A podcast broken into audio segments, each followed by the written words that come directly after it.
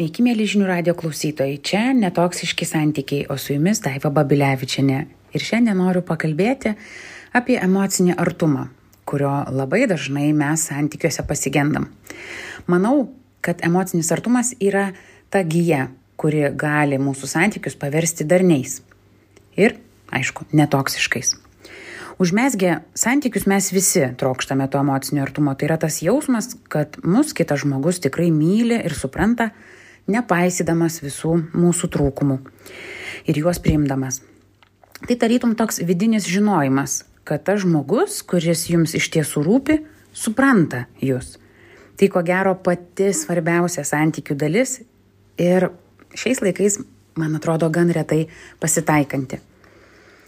Tai kokiegi yra tie emocinio artumo elementai? Aš išskirčiau kelis. Tai yra asmeniškumas, konkretumas, prasmingumas ir buvimas čia ir dabar. Ir panagrinėkime šiek tiek kiekvieną iš jų. Kas yra asmeniškumas? Tai gebėjimas išsakyti savo nuomonę, interpretacijas, mintis, gebėjimas įvardinti savo asmeninės vertybės ir jausmus, na ir taip pat gebėjimas formuluoti sakinius aš.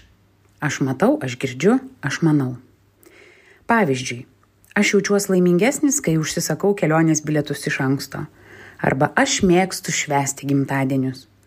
Ar ši daina tiesiog tirpdo mano širdį.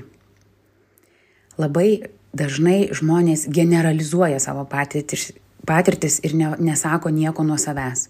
Nenaudoja to aš ir tada būna, kad, na, žmonės daro taip, o moterys mėgsta taip, o vyrai to nedaro.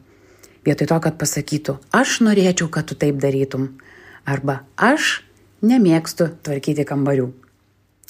Einam toliau. Konkretumas.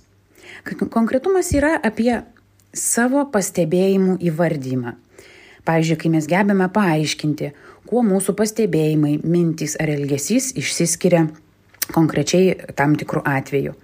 Galbūt mes galime iš konkrečiai išvardinti su kažkokia situacija susijusius žmonės, o tada savo mintis galime išsakyti jiems asmeniškai. Kaip galime pareikšti konkretumą, ieškodami emocinio artumo? Tarkim, tai galėtų būti frazės, kur įvardinate, kas jums patinka. Pavyzdžiui, man tikrai patinka matyti jūs visus kartu vakariaujančius prie vieno stalo. Arba man labai smagu žiemą, bet aš nekantrauju laukti pavasario. O galbūt galite įvardinti konkretų asmenį, kuris jūs erzina, kur nepatinka jo elgesys vietoj to, kad vėlgi generalizuotumėt ir kalbėtumėt neapibrieštai. Tai labai svarbu, tai leidžia mums prisiliesti prie savo poreikių ir juos aiškiai komunikuoti. Prasmingumas. Prasmingumas yra apie interpretacijas ir istorijas, kurios yra susijusios su mumis ir mūsų pastebėjimais.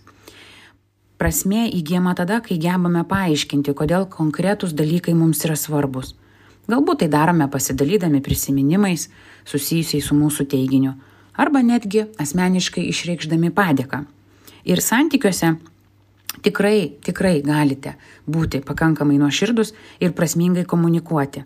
Pavyzdžiui, laukiu nesulaukiu, kada galėsiu kepti vėl tavo mėgstamą piragą, e, pasilgau tų valandėlių, kai kartu valgom tą piragą. Arba išreikšti, džiaugiuosi, kad šiais metais švesime naujus metus kartu, tik dviese arba tik šeimos rate tai yra apie prasme. O prasmėje mes galime įvardinti, kodėl mums tai, ką mes kalbame, yra taip svarbu. Na, o labiausiai man patinkantis turbūt yra emocinio artumo požymis, tai buvimas čia ir darba, dabar. Kai gebame kalbėti apie tai, ką jaučiame, mastome, prisimindami praeities įvykius arba kalbėdami tik apie tai, kas vyksta čia ir dabar. Tarkim, Galbūt galite netgi susijęti savo mintis su ateitimi ir tuo, kas vyksta jūsų santykėje šią akimirką. Visgi emocinis artumas santykiuose yra apie tai, kas vyksta čia ir dabar, šią akimirką, kol galbūt bendraujame, žiūrime vienas į kitą, vaikštome kartu, leidžiame laiką. Galite įvardinti, man šitas tavo juokelis priminė mano seserį, man patinka, kai kas nors primena ją arba stebėdamas, kaip krenta snaigės, imu nekantriai laukti kalėdų. Kalėdos man primena vaikystę ir man smagu, kad tu esi mano dabartyje. Kad emocinis artumas taptų jūsų kasdienybė arba bent jau savaitiniu dalyku, kvieščiau bandyti išsikelti savo iššūkį ir artimiausias dienas stebėti savo partnerį iš šitų keturių emocinio artumo elementų. Tai yra buvimo čia ir dabar, asmeniškumo, konkretumo ir prasmingumo. Atkreipkite dėmesį į sritis, kur galėtumėte patobulinti savo išraiškos būdus. Atkreipkite dėmesį, kaip galite per šitus elementus pažinti savo antrąją pusę.